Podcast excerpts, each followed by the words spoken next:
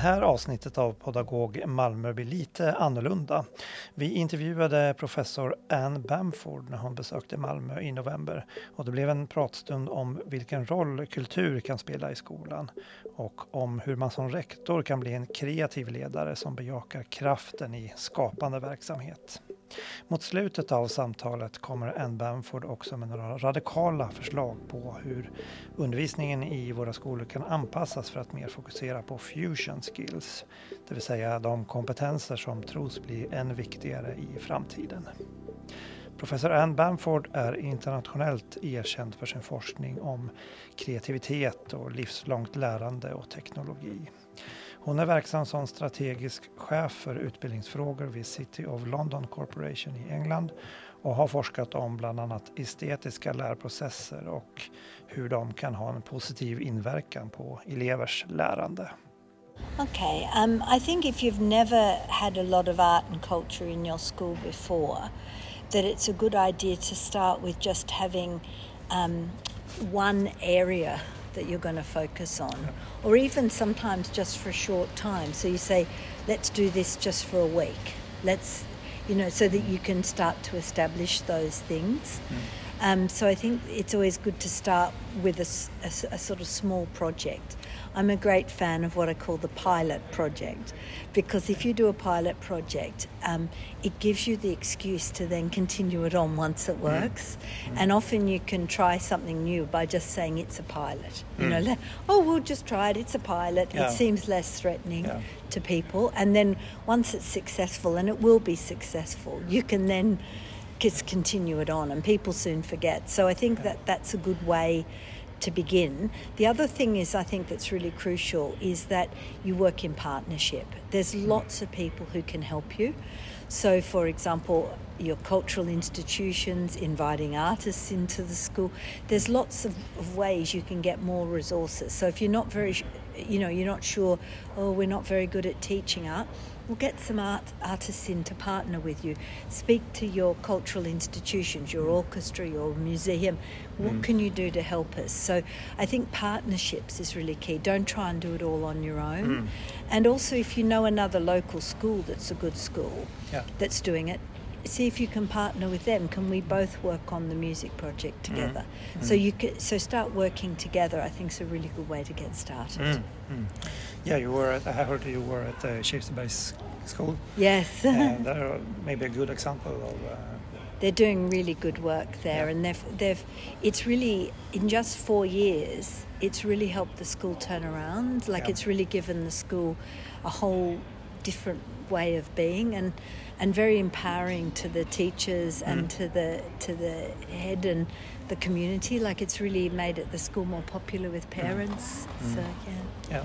Do you have any practical examples of uh, pilot projects projects uh, that were successful from your point of, point of view? Uh?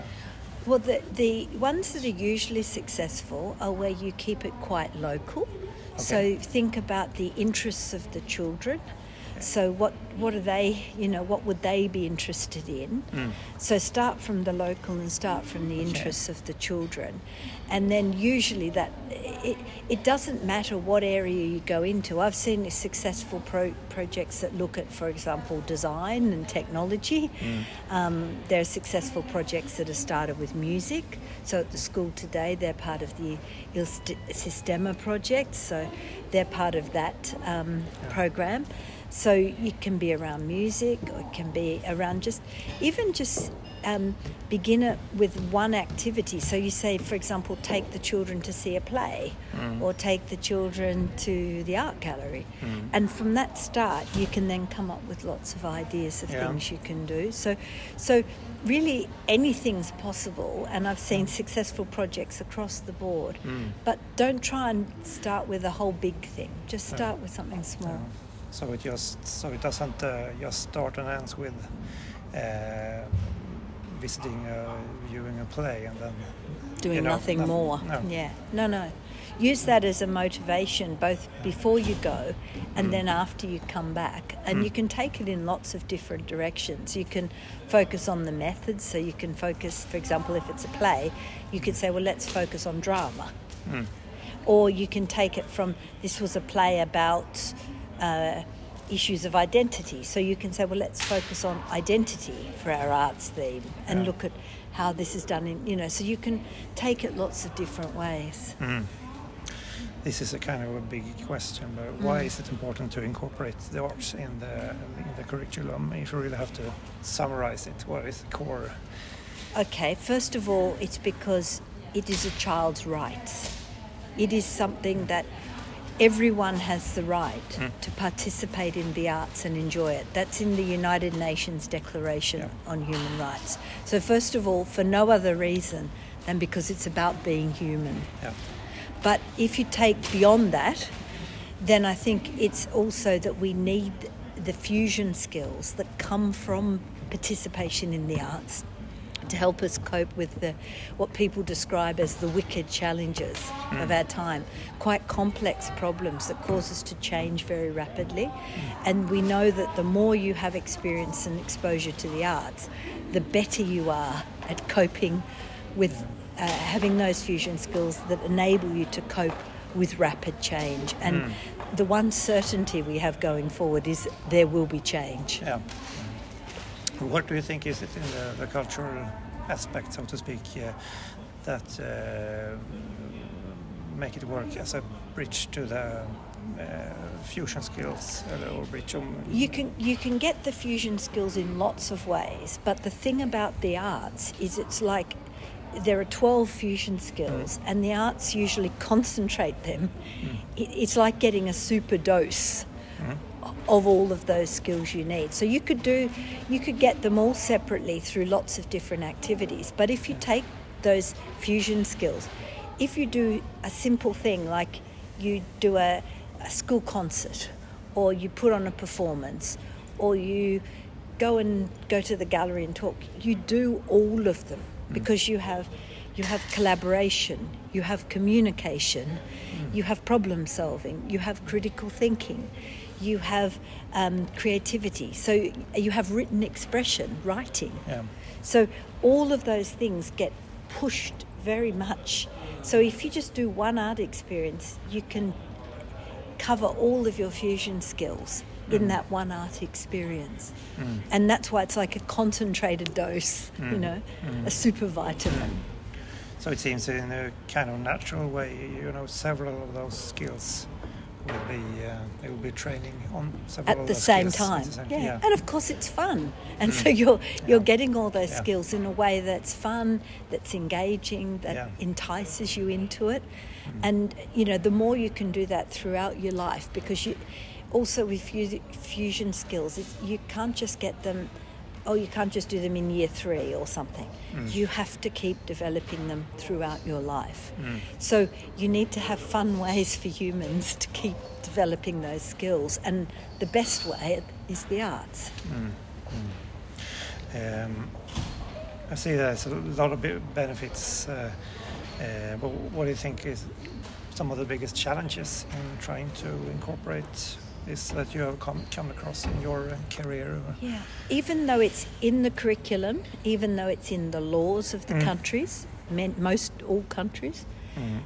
it's still treated often. The biggest challenge is it's treated like a special project. Yeah. It's not treated. We, we don't expect children to, to do literacy as a series of special projects. Mm. We don't have to get funding for children to do literacy. Hmm. But unfortunately for the arts, it's often not seen as being core and central and compulsory. Hmm. And so it becomes seen as something nice. What's the, what's the word? Like hmm. co- co- cozy? Yeah, you know. Um, it's not something that's that's ab- and yet it's in the laws it's hmm. in the and we know that it's important for children and it's important it's done well and it's important that it's done well across time not just in a few years hmm. so I think the biggest challenge is to change the attitude that it's like a project. We'll do hmm. a project in this. We wouldn't expect children to learn to read or do mathematics or understand science if we did it in that way. And I don't think we should do that for the arts. What, why do you think uh, that is uh, this attitude that you're describing? That we're viewing. Uh, I think because you've always had an issue of um, you, you have one ministry that deals with arts and culture, and you have another ministry that deals with education. Because in countries that do this very well, they have the same person who's in charge of both.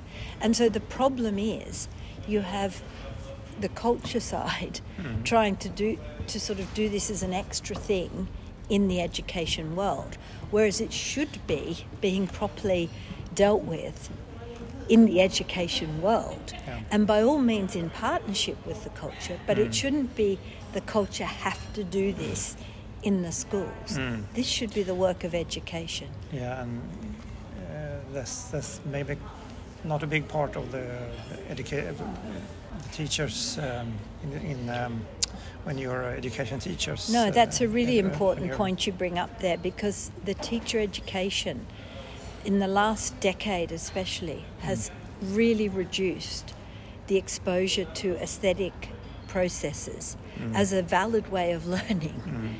And this is a real, real pity. It's something that makes me very angry because if the teachers have not experienced aesthetics and, and the arts themselves hmm. and they're not exposed to it, it's very challenging for hmm. them to try and do it for the first time in front of 30 children. Hmm. You know, so we have to have this in the teacher education and we have to have high quality arts ed- education in the teacher education. We should not expect that a teacher knows how to teach this if we've not taught them how to teach it. You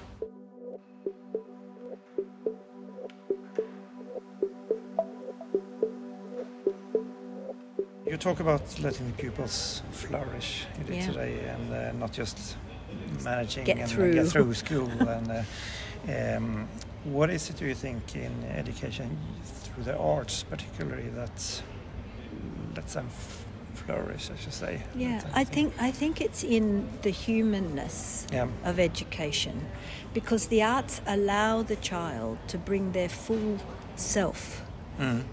to the school. Mm.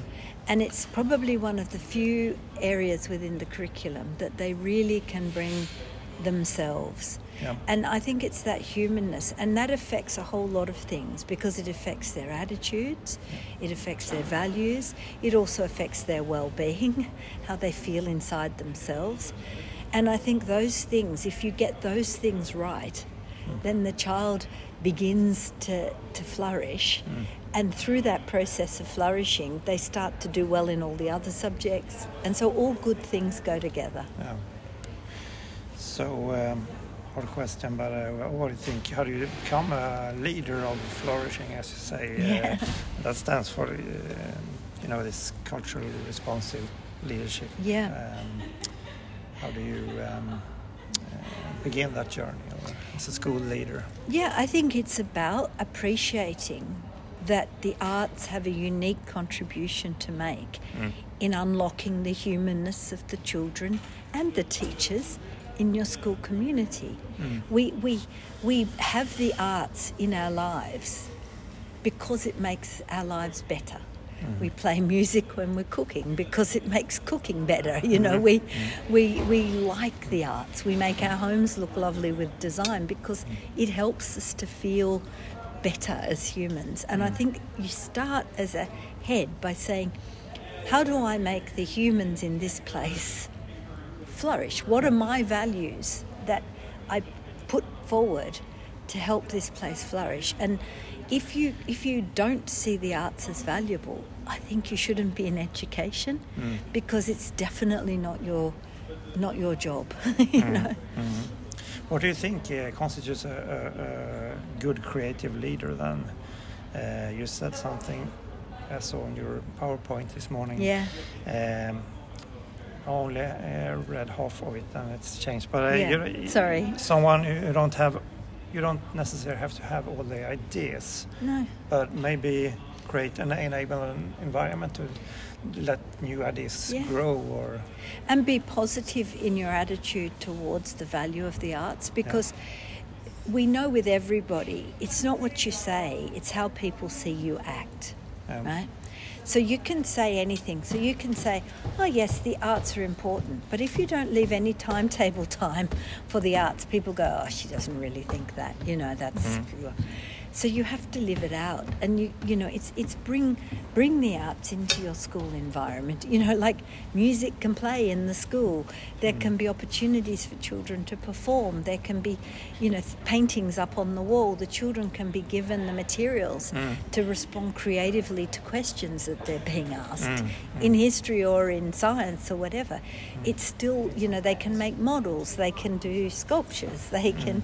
There's so many opportunities. So I think it's about opening yourself and trusting because people once you let them give them permission to do the arts people love doing it mm. you know so you can open up to that. And don't be worried because sometimes i think to, to heads think oh if we have a lot of doing the arts the parents will worry about whether the children are learning enough maths and science and so on it's not the case they, their learning will be even better because you supercharge it with the arts. So trust yourself and and don't worry about you know if, if you're doing a really good job of the arts, you'll find all of your curriculum areas will be very strong. Uh, there's of course education in the arts is one thing. Maybe uh, how about edu- education through the arts? Have you any good examples or s- success stories about maybe uh, teaching mathematics using Yeah, yeah, yeah, absolutely. So um, I've seen some excellent, going really practically down Yeah. to some lessons. Yeah? Yeah.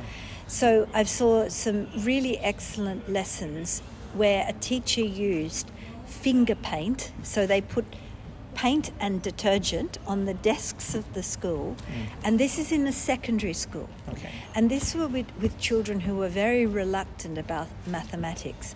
And what's lovely about finger paint is you can do it and you can make a mistake. And you just go like mm. this and then you mm. and the children solve mathematics problems using the finger paint on their desk right?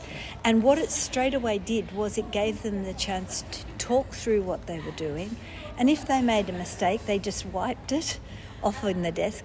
But also what they did was when they finished the lesson they then made prints from what they're done on the desk. Okay. and those prints lined the classroom walls with these beautiful um, monoprints Yeah. from this maths lesson.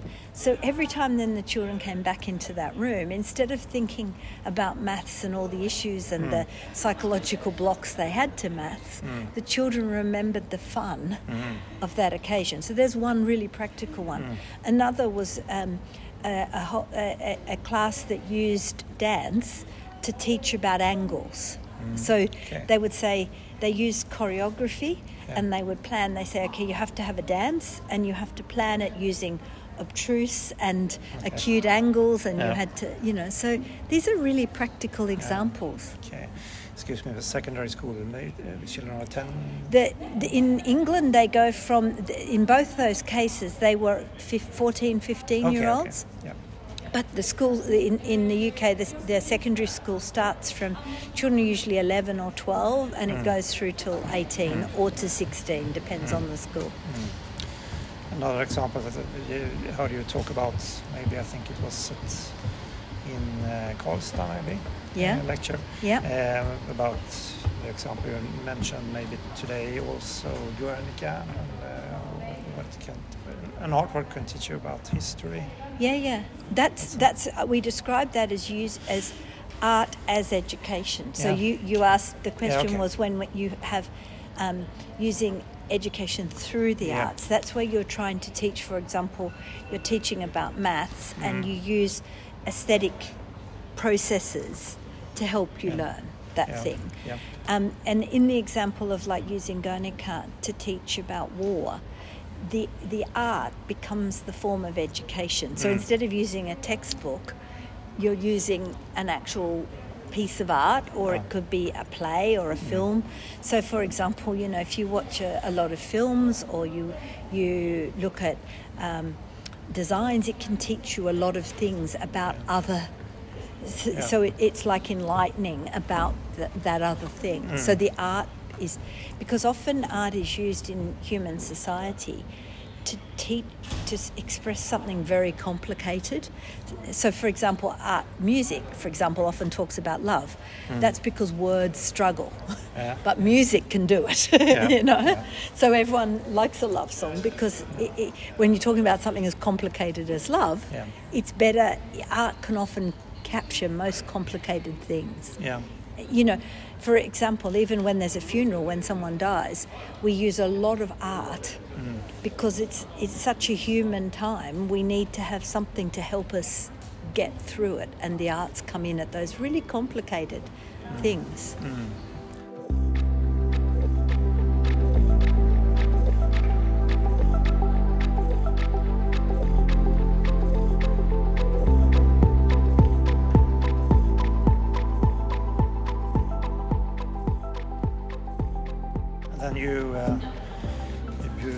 Described uh, uh, not so common, but maybe it's, uh, if you're lucky, you're experience it sometime in your career that the education situation itself becomes an artwork.